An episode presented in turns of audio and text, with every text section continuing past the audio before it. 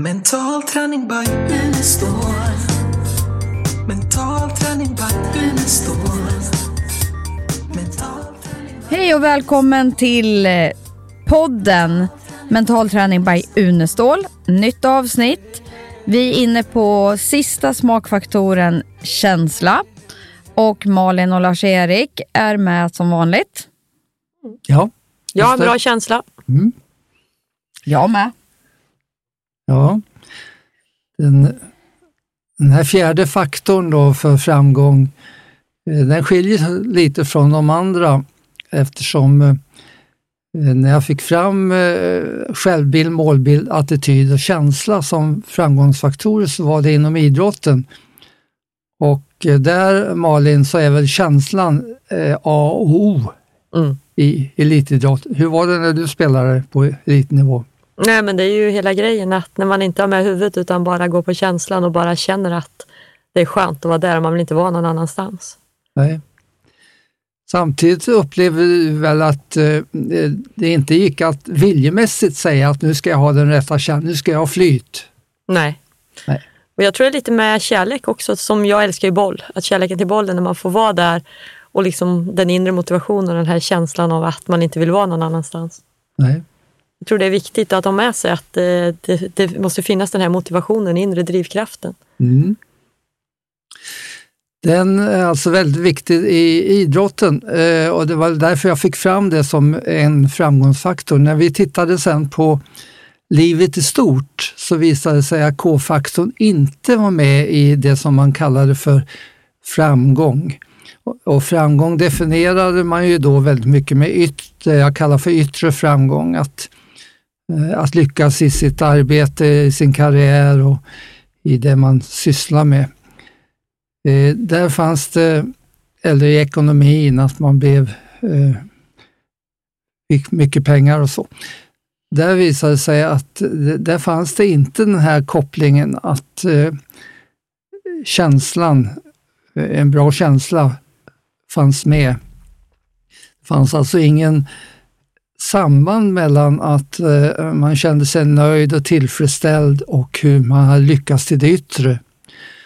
Och det där var ju väldigt viktigt. Jag, vi nämnde om det i en tidigare podd att eh, människor tror fortfarande att eh, om jag lyckas till det yttre, då kommer jag också att lyckas till det inre. Då kommer jag känna mig tillfredsställd och lycklig och glad.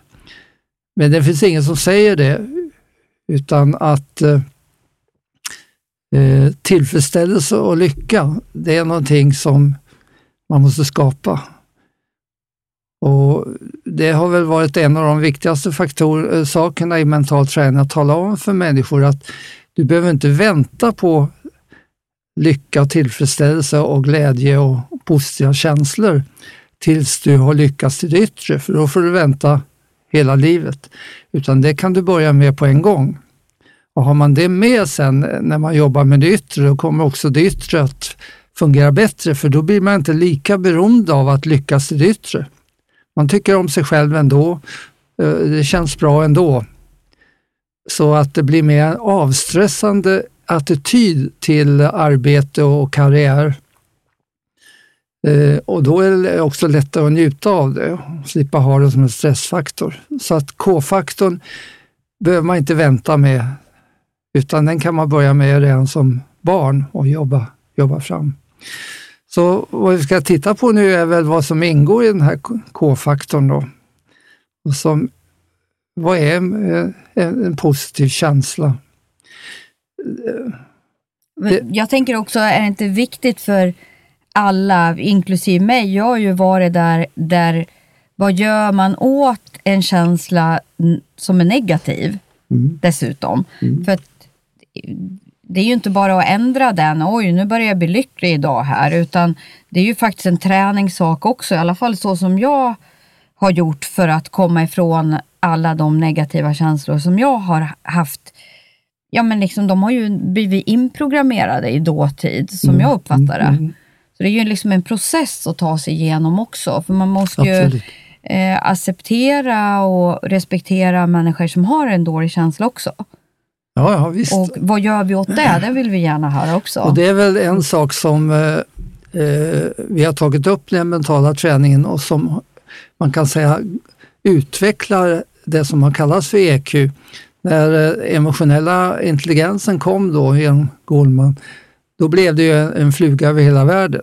Alla Mm. pratar om EQ och hur viktigt det var att eh, få in EQ i skolan och eh, i, i livet i stort. Men EQ då har, fram till nu har mera varit att lära känna sina egna känslor och att lära känna andra människors känslor. Betoningen har legat på det. Vi har tyckt att det var väldigt viktigt att lägga till två saker. Det ena är att få kontroll över sina känslor. Eh, för det är inte så stor eh, mening att känna till känslorna om man inte kan göra någonting åt dem. Så det är det ena, det som du var inne på Helena. Det andra har varit att också utveckla känslor. Eh, det är inte statiskt utan man kan ha eh, mer eller mindre av en känsla. Och eh, därför så har vi ut, försökt att utveckla metoder då som inte bara gäller personlig utveckling i allmänhet utan också att du kunna utveckla de positiva känslor som vi har. Jag tänker också, visst, jag tänker utifrån känslan så här, att vissa saker händer ju oss. Alltså, du, livet är ju dynamiskt. Och ibland hamnar vi i sorg och ibland hamnar vi i någon annan känsla. Och de lär vi ju tillåta få finnas där och kunna vårda och ta hand om. Medan andra känslor är inprogrammerade och kanske att vi har en trigger för det. Och, och som inte gynnar oss överhuvudtaget. Att bli irriterad och börja skrika och gapa för jag häller ut en kopp kaffe, det är ju rätt så meningslöst. Och få massor med känslor som inte leder någon vart överhuvudtaget. Så det finns ju olika, olika nivåer och olika... ehm, Alltså om man tittar på Ja. just de eh, negativa känslorna som vi jobbar med att få bort så är det ju eh, de vanligaste är ju då det här med hat, vrede, eh, fruktan, alltså rädsla. Vi har avundsjuka. Mm. Vi har avsky. Men där eh, i det här finns också ja, dels melankoli, missnöje och sen finns det här med ensamhet. Det räknas faktiskt som en negativ känsla. ja. Och, eh, Det är väldigt mycket starka grejer vi Det- pratar. och det är ganska intressant eh, eftersom det finns två former av ensamhet och eh, man kan vara ensam rent fysiskt men man kan vara ensam även ha människor omkring sig. Så det är två olika begrepp på engelska, loneliness och being alone. Mm. Men just att man tar upp det här som negativ känsla, det är ganska intressant när man tittar på singel. Malin, du är ju singel, det är lika bra att säga det så att du kan göra någonting åt det. Precis. Ja. Så trivs du kanske med det. Men eh, när man tittar vetenskapligt så visar det sig att eh, singlar så småningom får ett sämre liv. Än andra. Det gäller att skaffa sig någon nu. Hur, hur är du verkligen singel? Det är, det är den stora frågan. Ja, precis. Ja, ja. To be or not to be. Speciellt eh, därför att eh, ja, det finns många orsaker till det som vi kanske inte ska gå in på. Men det, Nej, men det är ju intressant det du säger, för jag kan ju tänka så här att en kväll när man är hemma och haft eh, alternativ att göra, då kan det vara rätt lugnt. Men om man är hemma en kväll och det kanske, man känner sig lite ensam och det inte händer någonting, då det, känner man sig ju mer ensam. ja, Så det Ja, där varierar ju. ja, precis. Mm. Eh, vi- vilka är de positiva känslorna? då?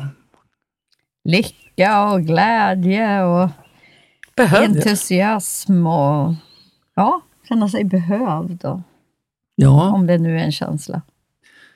Seligman som startade den positiva psykologin, eh, där ingick ju mycket av positiva känslor, att jobba med det, medan den gamla psykologin framförallt jobbade med de negativa känslorna.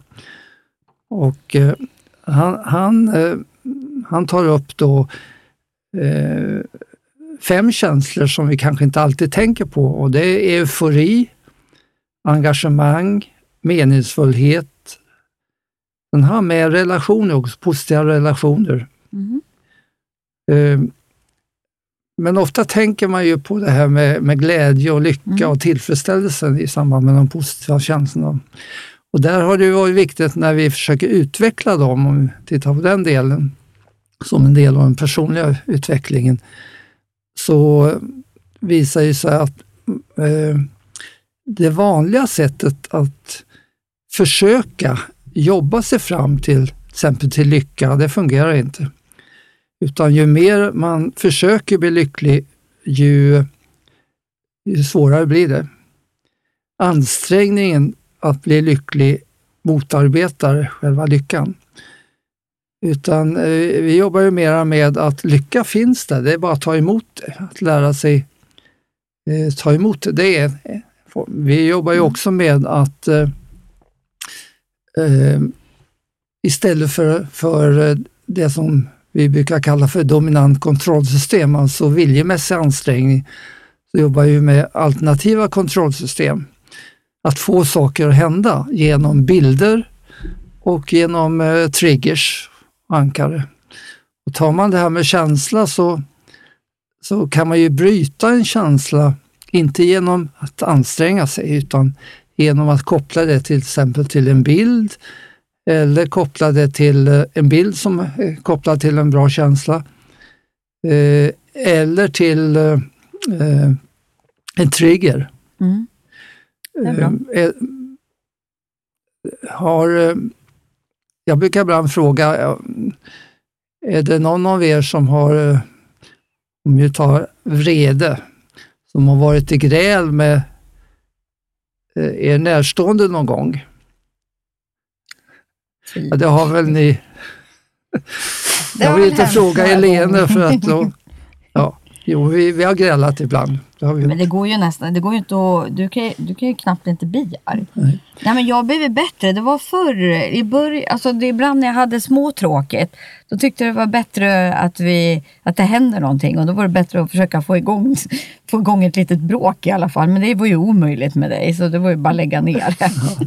Ja, det vet jag inte. Jag har inte så lätt att bli arg, men det kan bli arg också. Och, eh, om man är inne i ett gräl och båda eh, Mm. eh, känner vrede, då ser man ju det på både på, på sättet att vara och man ser det på i sättet att tala och tonfall. Låt oss säga då att eh, det händer någonting som gör att bägge två börjar skratta. Och Det är väldigt viktigt att bägge två börjar skratta, så inte bara en börjar, för då blir det ännu värre. Då är det väldigt svårt att fortsätta grälet sen när man har skrattat färdigt. För då har man brutit tillståndet, kommit in i ett annat tillstånd.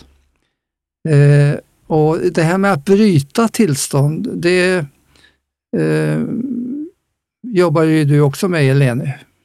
Ja, absolut. Det är jätteviktigt att, att, att, att kunna eh, bryta tillstånd, speciellt när man får insikten att det här gynnar, jag, jag kommer inte framåt, det blir inget bra resultat av det här. Och då är det bra att bryta tillstånd. Du, jag ser vad du tänker fråga nu. Det syns på dig. Alltså, jo, jag ser det. Ja, ja. Ja, Kör då. ja vet du, vet, Ja, du har ju ett exempel från en psykiater som hade ett sätt att bryta Ja, det tillstånd. har, jag trodde du var inne på peg- men den kan vi ta en annan gång. Jaha, Ja, men eh, jo, jag gick ju mm, NLP-tränarutbildning för Josef och Connor på Mallorca och då eh, var det en psykiatriker från Italien som var med på den utbildningen. En otroligt härlig kvinna. Och eh, hon berättar för oss vad hon brukar göra med sina patienter. Nu rekommenderar absolut inte jag att någon ska göra det här, alltså här i Sverige. Men hon gjorde det på riktigt hon föreläste om det här på stora kongresser.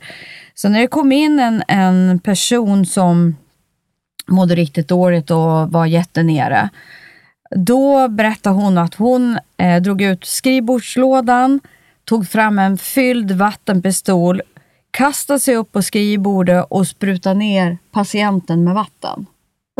Och det här i Italien, kan ni tänka er, liksom italienare med sitt temperament. De börjar ju skrika och gapa och din idiot, är du dum i huvudet, jag är här för att få hjälp. Liksom. Och skällde ut henne så hon var inte värd vatten. Då klättrade hon ner och lade in sin lilla pistol där i lådan och, och sen sa hon, ja men eh, alldeles nyss var du djupt deprimerad och mådde ja, riktigt, riktigt dåligt. Och nu är du rosenrasande och riktigt, riktigt arg. Och sen börjar hon liksom någon liksom starta terapin utifrån det.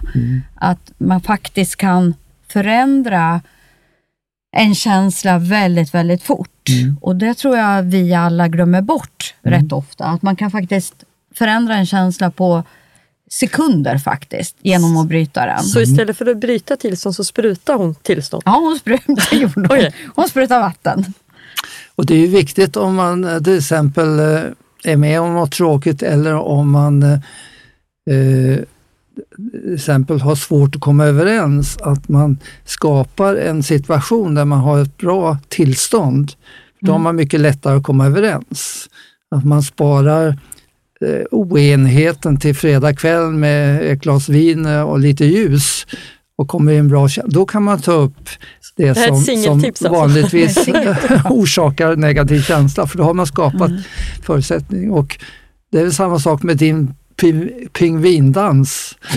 Vi måste ju dra den, vi kan inte skjuta på Ja, den. När barnen kom hem från skolan och var ledsna för någonting, vad gjorde Ja, du då? eller om de kunde vara arga eller var, på dåligt, alltså ha ett år, var i ett dåligt tillstånd så eh, körde jag pigvinen, Så jag körde liksom en liten pigvindans eh, för dem och de stod ju bara och ruskade på huvudet och sa liksom är du dum i huvudet, du är inte klok liksom, du är ju helt knäpp. Och jag bara fortsatte tills de började skratta. Och då hade vi brutit det här dåliga tillståndet och då kunde vi börja prata om vad är det som har hänt idag? Vem sa vad? Eh, liksom, vad? Vad kan du göra till nästa gång när du hamnar i en liknande situation? Vad var din del i det här? Och vem, ja. Så då kunde man liksom göra det. För hade man tagit det när de är i ett dåligt tillstånd, ja, då, blir, då, då är det snarare att man kanske staplar på den här känslan och att det blir ett stark, starkare ankare i negativ bemärkelse istället. Precis. Det gäller vuxna också, så det är, det är faktiskt viktigt Det- att kunna bryta tillstånd. När vi jobbar med det mentala träningshjulet då som har, har med, med tankar och bilder och känslor och beteenden att göra. Och sen finns det kopplingar mellan alla de här fyra i alla riktningar. Eh, Då, då tittar man på tankar och känslor så är ju en negativ tanke inte negativ om det inte ger upphov till en negativ känsla. Så det är känslan som, vi säger, eh, som gör att vi kallar tanken för negativ. Och det gör ju att vad vi jobbar med är att bryta kopplingen mellan tanke och känsla. För då kan inte en tanke bli negativ. Man observerar den, får komma och sen får den gå, men man tar inte emot den. Det vill säga man har ingen känslomottagare för tanken. Och, och så kan det vara väldigt mycket, till exempel när, när det gäller kopplingen mellan beteende och känsla så är det naturligtvis så att om man blir arg, som vi sa, eh, så, så hörs det i rösten, även i telefon. Det syns i beteendet på olika sätt. Men eh, då kan man koppla det här i, i motsatt riktning. Låt säga att jag är nere och sen så eh, tvingar jag mig själv, för det känns väldigt olustigt, jag tvingar mig själv att börja dansa, eh, sjunga, gnola, vissla. Jag gör saker som jag gör när jag är glad. Då dröjer det inte mer än 15-20 sekunder innan den känslan kommer till mig utifrån beteendet. Så man behöver inte eh, man behöver inte bara använda det här med att känsla ger upphov till ett beteende. Man kan säga att beteende ger upphov till en känsla också. Och det är en väldigt Ja. praktisk och enkel metod egentligen. Det känns väldigt motbjudande att göra det, men får man göra det så, så tvingas det till det. Det var samma sak med dep- deprimerade patienter. Eh, när vi ko- kom på då att eh, vanlig motion, jogging, eh, promenader hade en bra effekt för depre- depression. Så det svåra var att få deprimerade att börja jogga. Men börjar, börjar de, tvingar man sig till det så, så förändrades tillstånd. Så, så att det, Mm. den principen är väldigt bra att ha när man ska förändra tillstånd och även eh, mera långsiktiga En emotioner. fråga till er. För det finns ju en hel del människor som säger att jag är en känslomänniska. Mm. För jag menar, alla människor har ju såklart känslor. Vad tänker ni om en sån frågeställning? Jag, jag är så känslomänniska så jag reagerar. Men jag, jag är, Det är ju också, det är ju frågan, jag har ju varit, om jag tittar på mig själv så, så skulle jag ju säga att eh, jag i, har ingått i kriteriet high sensitive person. Det vill säga eh, går in i känslor hela tiden. Tittar jag på en film så ska jag börja gråta, det gör jag i och för sig fortfarande, men kan börja gråta, jag kan se någon annan människa som är ledsen eller om jag läser en, någon, någon artikel eller vad det än är så kan jag liksom känna in den personens känsla. Och det är rätt så jobbigt då att gå runt och vara liksom nere och uppe och man vet knappt inte, är det mina känslor eller någon annans eller är det något jag sett eller läst eller hört? Så det, för mig blev ju det, den mentala träningen och även NLP otroligt viktigt för att träna mig till vad, vad, vad är det jag, hur vill jag, hur vill jag bli? För, det, jag tror det är jätteviktigt det du pratar för om att nu. liksom bli associerad i allting, det tar otroligt mycket energi och man blir otroligt trött i kroppen. Det tar kraft och energi. Det du är inne på nu är en jätteviktig del av eh, K-faktorn och eh, eh, som har med eh, compassion att göra. Eh, Anna Bornstein eh, har ju skrivit mycket om compassion och hon tagit hit eh, Dalai Lama. Han är ju med, den som är mest känd för den med compassion. Och eh, det har varit svårt att översätta det till, på ett bra sätt till svenska, men eh, det vanliga är att man talar om medkänsla. Eh, och en gång eh, när jag åkte till henne så tänkte jag att det finns ju fyra känslor som, där man kan placera in då medkänsla. Och eh, eh, nämligen sympati, medkänsla, eh, empati och kärlek. Och tillsammans blir det smek, så jag tyckte det blev ju jätte, det mycket för, för En förkortningar. liten så- akronym kom det. Ja, där kommer en liten förkortning. ja. Eh, Men då sa hon, eh, när jag, när jag tog det här eh, med henne, nej, jag tycker att medkänsla ska komma efter empati, sa hon. Och tittar man då på ja, sympati, det eh, vet väl alla vad det är. Det är ju en känslomässig samhörighet med en annan person, kan man säga. Mm. Man känner till exempel medlidande med någon annan. eh, Så. Eh, Man tar över lite av den andra känsla genom sympati. Medan eh, empati då, den, den eh, något liknande, men, men det är när man eh, aktiver, den aktiveras när man upplever smärta eller när man ser någon annan uppleva smärta. Så, så det innebär att de negativa känslorna hos mig ökar och de positiva går ner. Och det gör att empati ökar risken för både stress och eh, eh, ut- utbrändhet eller ut- utmattningssyndrom. Och det här, eh, när- när man börjar betona empatin för en del år sedan, då kunde man märka att de, de inom vården som var mest empatiska, de hade svårt att vara kvar. Eh, därför att de tog med sig patientens lidande även när de inte satt framför patienten. Mm. Eh, och därför behövde man hitta någonting annat än empati. Och det blev då medkänsla. För där kan jag känna lika mycket eh, för patient, eh, klienten, men utan att det, väck, att det går ner några negativa känslor hos mig. Utan istället ökar de positiva känslorna. Eh, Så det, det har varit eh, viktigt att försöka ersätta empati eh, med Mm. med medkänsla eller compassion. Det där är intressant för att när jag var yngre, jag ville vä- väldigt gärna bli veterinär. Men jag mår så dåligt när djur mår dåligt så att jag kände liksom att jag skulle aldrig kunna jag skulle vilja rädda alla djur och där någonstans så kände jag att det här kommer aldrig funka.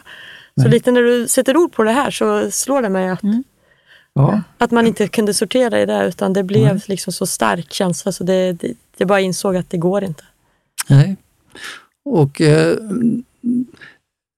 därför har ju det här med compassion eh, blivit någonting som är viktigt att, att jobba med på, på väldigt många plan i, Mm. i många länder. Och Dalai Lama har ju haft stor, eh, stor eh, inverkan också genom att han har fått forskare som har tittat på vad händer då?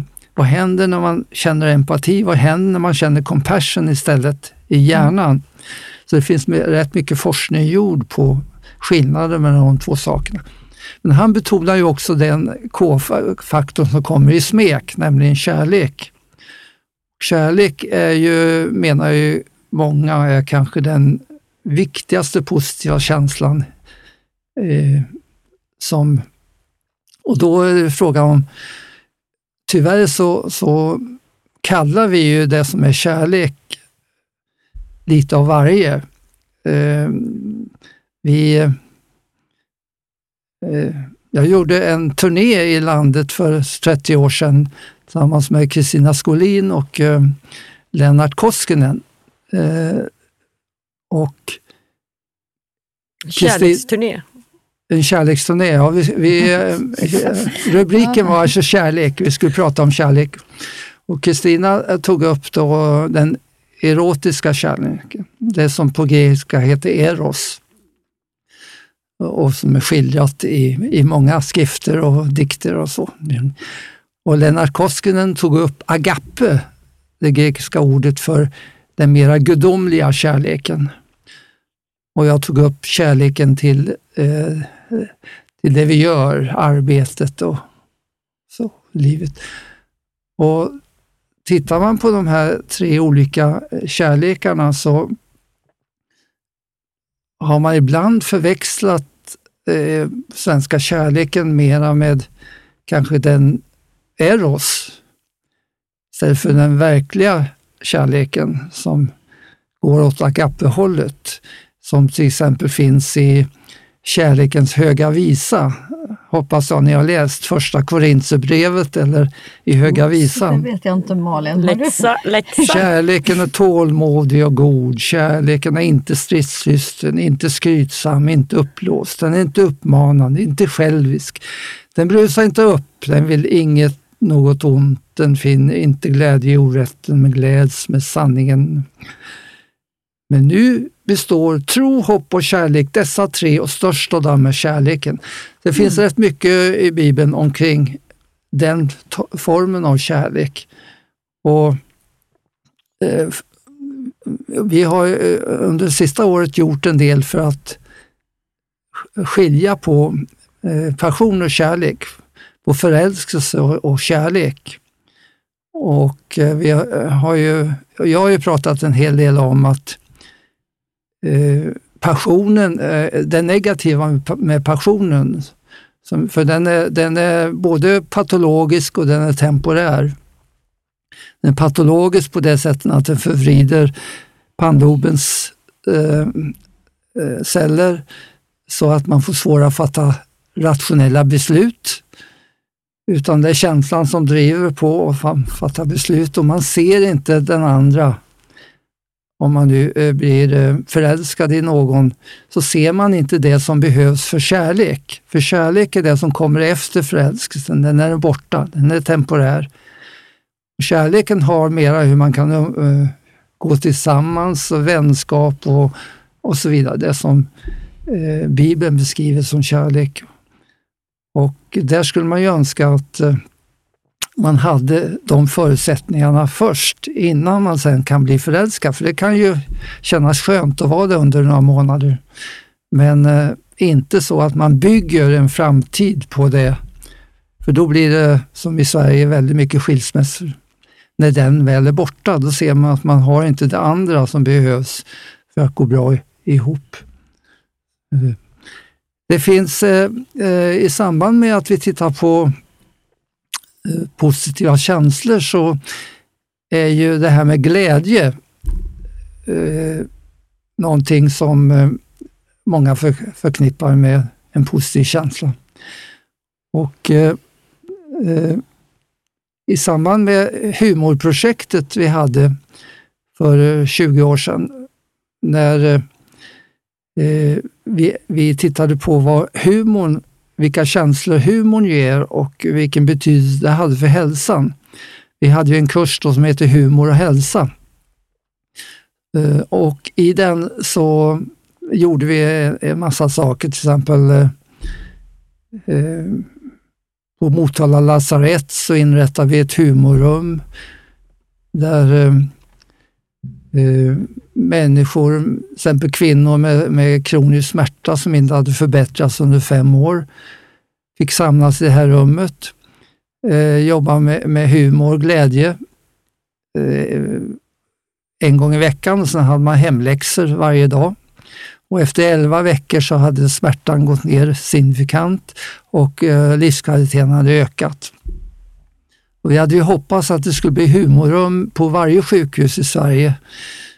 Nu blev det inte det, men eh, vad som finns från det projektet eh, fortfarande, det är clowner.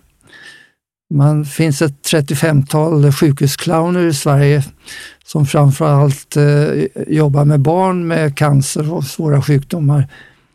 Eh, och det finns jättemycket gjort just när det gäller positiva känslor och, eh, eh och hälsa. Och hur eh, humorn då har varit ett, en, en del i det. Men det, man kan känna glädje utan att det är humor, så att eh, det finns många andra sätt att framkalla glädje. Skrattet eh, tittade Fry på, i San Francisco på vilken effekt det hade på kroppen och på hälsan också, när man fick skratta. Men det eh, kanske vi kan återkomma till när vi tittar på hälsan och mental träning för hälsa i, i framtiden. Eh, det finns ett uttryck som, som eh, eh, har med compassion att göra och som talas mer och mer om nu och det är kärleksfull vänlighet. Eh, det här med att vara vänlig och snäll har ju fått en uppsving kan man säga de sista åren och skrivit flera böcker om vikten av, av snällhet och vänlighet. Och det här med kärleksfull vänlighet är då ett begrepp som håller på att sprida sig mer och mer och som har med det här eh, området att göra. Det vi pratar om nu, det är ju både känslor som är eh, reaktioner, som är tillfälliga, men det är också sinnestillstånd som varar under en längre tid. Och eh, när man tar till exempel depression så är det ju ett, någonting som inte finns bara i stunden utan under en längre tid. Och där är det också viktigt när vi jobbar med EQ att inte bara kunna bryta känslor som är olämpliga, få en bra känsla som gäller i stunden, utan att få det som på engelska heter mera mod, ett sinnestillstånd som finns där större delen av dagen. Eh, och det, det, ja. Jag bara tänkte, det var ju så, så jag tränade för alltså, när jag kom i kontakt med mental träning, även om jag fungerar bra och jobbar fulltid och, och liksom hade ett vanligt liv, så hade jag ju otroligt, alltså jag hade ju någon form av depression skulle jag kunna säga själv. Liksom, att det, jag var ju, känslan var ju rätt så låg generellt rakt över i alla situationer och det var bara korta grejer som gjorde mig lycklig och glad. Eh, och den mentala träningen gick ju till. Jag gjorde ju så, jag tränar ju dagligen på olika situationer. De, de absolut sämsta där jag mådde som sämst. Eh, de situationerna tog jag och såg mig själv i framtiden hur jag ville känna. Och det höll jag ju på att traggla och träna dagarna varenda dag. Och det hjälpte ju mig faktiskt. Plus att jag kopplade det till triggers. Att jag hade liksom någonting som utlöste det så jag kunde hjälpa kroppen att när jag gick ner i de här absolut sämsta tillstånden så kunde jag använda triggern och då bröts den här känslan. Mm. Och ju oftare jag gjorde det, eh, desto mindre kom den här känslan. Mm. Så det är ju liksom ett sätt att träna som Precis. jag tycker är viktigt att lyfta fram. Att det är liksom ingen quick fix, men man kan, gör man det här regelbundet och tränar olika situationer som jag brukar må dåligt i och ser mig själv vad det nu är för tillstånd jag vill ha. Om jag vill vara lycklig eller lugn eller fokuserad eller eh, glad eller vad det nu är för någonting. Och så tar man den situationen och tränar på den. Sen får man ta nästa situation. Det här som du säger är jätteviktigt eftersom eh, i den vanliga EQn som har funnits genom åren så har det varit mera en int- intellektuell del, att lära känna känslor och eh, kunna använda på rätt sätt. Däremot inte att, att utveckla känslor som du är inne på nu. Nej, för den är ju och, viktig. och här kommer ju träningen in. ja. Många har ju sagt, nej men går det inte att träna sina känslor? Jo visst, gå och träna det lika mycket som intellektet och sina bilder och Ja. Är ni inne- attityd. Och, Ja, för det ni är inne på nu, många idrottare när man idrottar när man är ung, då är ju smakfaktorerna ganska enk- enkla. Man har liksom sin självbild och målbild och attityd och det är en bra känsla. Och sen börjar man hamna i huvudet och det är då man tappar bort det. Och det är här man behöver hitta redskap att jobba med. Och då är det här förträffligt. Det är ju jättebra. Ja. Och det, var, det är väl vanligt just där att jag har en jättebra känsla när jag tränar. Och sen när jag ska prestera och tävla så försvinner den känslan. Då har den gått upp i rök. Och då behöver man ju träna på just de situation, tävlingssituationerna. Att, att jag kan ha den känslan var jag än befinner mig. Oavsett om jag tävlar eller om jag tränar eller om jag vilar eller är hemma. och den träningen eh, kan vi komma tillbaka till därför den, den innebär inte att, eh, eh, att man anstränger sig för att få det, för då blir det tvärtom. Nej, som vi sa. här är viktigt. Precis. utan att eh, man tränar på ett sätt som eh, får den att komma. Mm. Och- Trots alla yttre press och Ja. sånt som tillkommer som Helena är inne på. Ja, precis. Så det är ju ett, ett system som är vä- väldigt viktigt att lära sig. Hur, hur tränar jag då Mm. känslor? Och det är utifrån mentala rummet såklart. Ja. Men det är viktigt, tycker jag, och, och liksom, att vi får med att det krävs träning och att det är fullt möjligt. Mm. Och att, vi har, att ni har alla redskapen. Ja. Det är ju ännu bättre. Ja. Det har vi. Och eh, eh, tiden har gått och det Ja. finns mycket att säga men, men eh, eh, jag vill alltså säga igen det som vi började med att eh, eh, det är viktigt att börja arbeta med eh, K-faktorn från början, gärna som barn och i skolan. Istället för att gå och vänta på att man ska bli tillfredsställd genom att man lyckas i det yttre. Det kommer man aldrig- att bli. Eh, jag frågade politiker år 2000 eh, vad har målet varit för Sverige under 1900-talet? Ja, det är att bygga upp ett bra samhälle, ett folkhem. Och. Varför det då? Ja, vadå varför det? Ja, vad är det övergripande målet bakom det? Ja, då visste man inte först vad man skulle säga. Sen sa man ja, men att människor ska känna sig glada och tillfredsställda. Jaha, så det är det som är målet? Ja, visst. Är det inte dags att se då om det här med, med ökad välfärd och folkhemmet har lett till det? Jo, det tyckte de ju då. Då gjorde vi en eh, undersökning vi tittade på 1950 och vissa mått som vi fick fram då och 2000. Det visade sig att väl, välfärden hade ökat dramatiskt. Välbefinnandet hade gått ner på de måtten vi hittade. Mm. Eh, bland annat hittar vi mm, från 1950 hur många tonåriga grabbar som hade huvudvärk och det hade, hittade vi 2000 också. Och det var fyra gånger fler 2000 än 1950. Så, och det blev ju en tankeställare. Mm. Om det nu är tillfredsställelse och glädje eh, som vi jobbar för att människor ska känna nöjdhet, är det inte då dags att titta på metoder som leder dit? Eller också säga att då är ingen idé att vänta på att den ökade välfärden och ekonomin ska leda till det, utan då kan man börja med det som vi sa i början, redan från början ha det med under livet. Där tänker jag, bara ett tillägg innan vi avslutar, att där tycker jag att vi vuxna, vi har ett ansvar till våra barn, om vi är föräldrar, eller mormor eller farmor eller eh, vänner eller vad det nu är, att vi kan faktiskt hjälpa till och ge våra barn positiva upplevelser med positiva känslor som de kan ha med sig som resurser senare i livet. Det har varit otroligt viktigt för mig och, och tänka på till barnbarn och så här, att vi gör udda saker som gör att det blir, de får en speciell känsla som de tycker är rolig och givande. Och det märker jag, om- jag kan märka på mina barnbarn, de kan säga så här, ja men mormor, kommer du ihåg när vi gjorde det där? Det var väldigt roligt. Menar, I Paris till exempel så skulle vi gå på toa. Då gick vi in i, i en stor, det var liksom en stor frys med dörr istället. Och de skrattade ju, de höll på att skratta ihjäl sig. Tyckte det var skitroligt. Och det är ju sånt som de kommer ihåg. Så vi behöver liksom se till att vi får en minnesbank med bra känslor till, ja, egentligen inte bara barn, men till, till alla runt omkring oss. Precis.